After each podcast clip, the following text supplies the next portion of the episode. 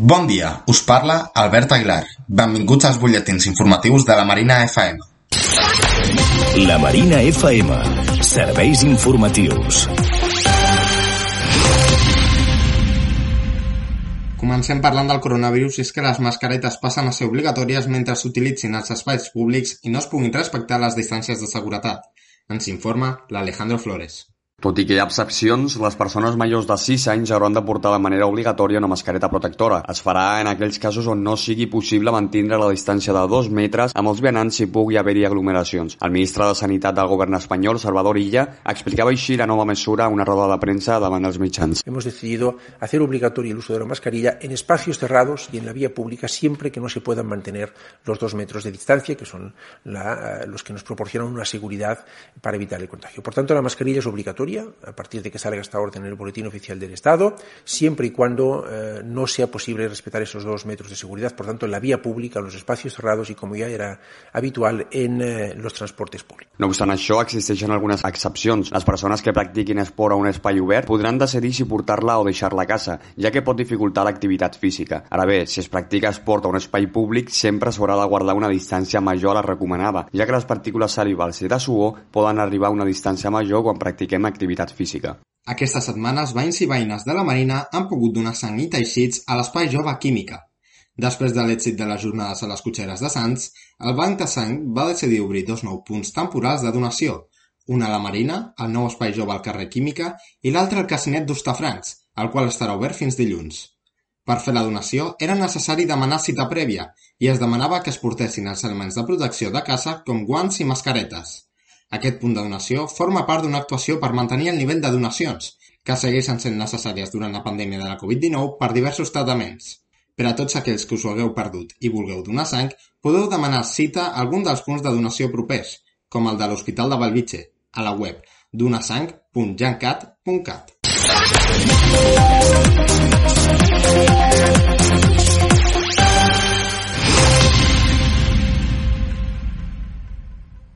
Parlem ara de l'àmbit educatiu és que el Departament d'Educació anuncia l'obertura dels centres educatius a la fase 2. En ple període de tancament de preinscripció pel curs vinent, el Departament d'Educació ja ha anunciat una altra mesura de cara a la fase 2, l'obertura dels centres educatius. Aquesta notícia no implica la tornada a les classes de tots els alumnes, sinó que la decisió de fer-ho serà plenament voluntària.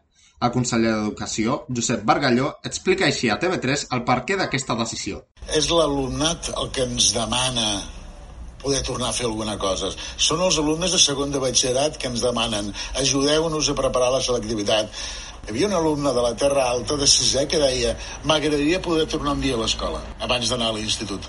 Que hi ha alumnes, que hi ha famílies, que hi ha mestres i que hi ha direccions que ens demanen, doncs els que ho vulguin ho podran fer. No obstant això, els centres educatius hauran de complir una sèrie de mesures de seguretat, les quals canvien segons l'etapa educativa.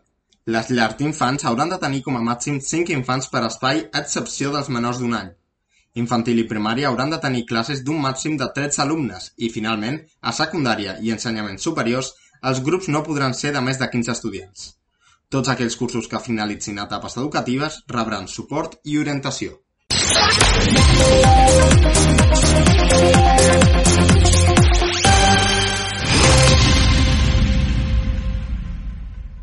Passem ara a parlar de mobilitat per destacar dues qüestions. D'una banda, Sants Montjuïc ja compta amb itineraris segurs a les principals artèries centrals del districte. Aquests itineraris permeten mantenir la distància de seguretat, ja que els carrers han sigut tallats al trànsit i dedicats exclusivament al pas de vianants. Són els següents. Galileu, en lloc d'Alculea, Violant d'Hongria, Béjar, Leiva, Macallaes, Olivera, Blasco de Garay i Piquer. D'altra banda, destacar també que el túnel de Badal de la Ronda del Mig, entre el carrer Sabino Arana i plaça Ildefons Cerdà, es tancarà el trànsit demà a la nit per provar els sistemes d'emergència. Els esports. Parlem ara dels esports i és que l'equip sènior del bàsquet del Club Esportiu La Marina ascendeix a la primera categoria. Després de dos mesos sense partits ni entrenaments, la Federació Catalana de Bàsquet ha posat el punt i final a les seves lligues. El darrer dimarts va fer pública una taula d'ascensos amb les puntuacions finals dels equips. En el moment de l'aturada, l'equip sènior del Club Esportiu La Marina se situava líder en solitari amb només dues derrotes al campionat. Aquests resultats han fet que l'equip d'Andreu Ferrera sigui un dels equips que ha pujat a la primera categoria de forma directa. La posada en marxa del club es durà a terme al setembre, ja que la pràctica d'esports en equip només serà possible dins l'última de les fases previstes. I segur que aquests dies tancats a casa molts de vosaltres també teniu alguna cosa a compartir.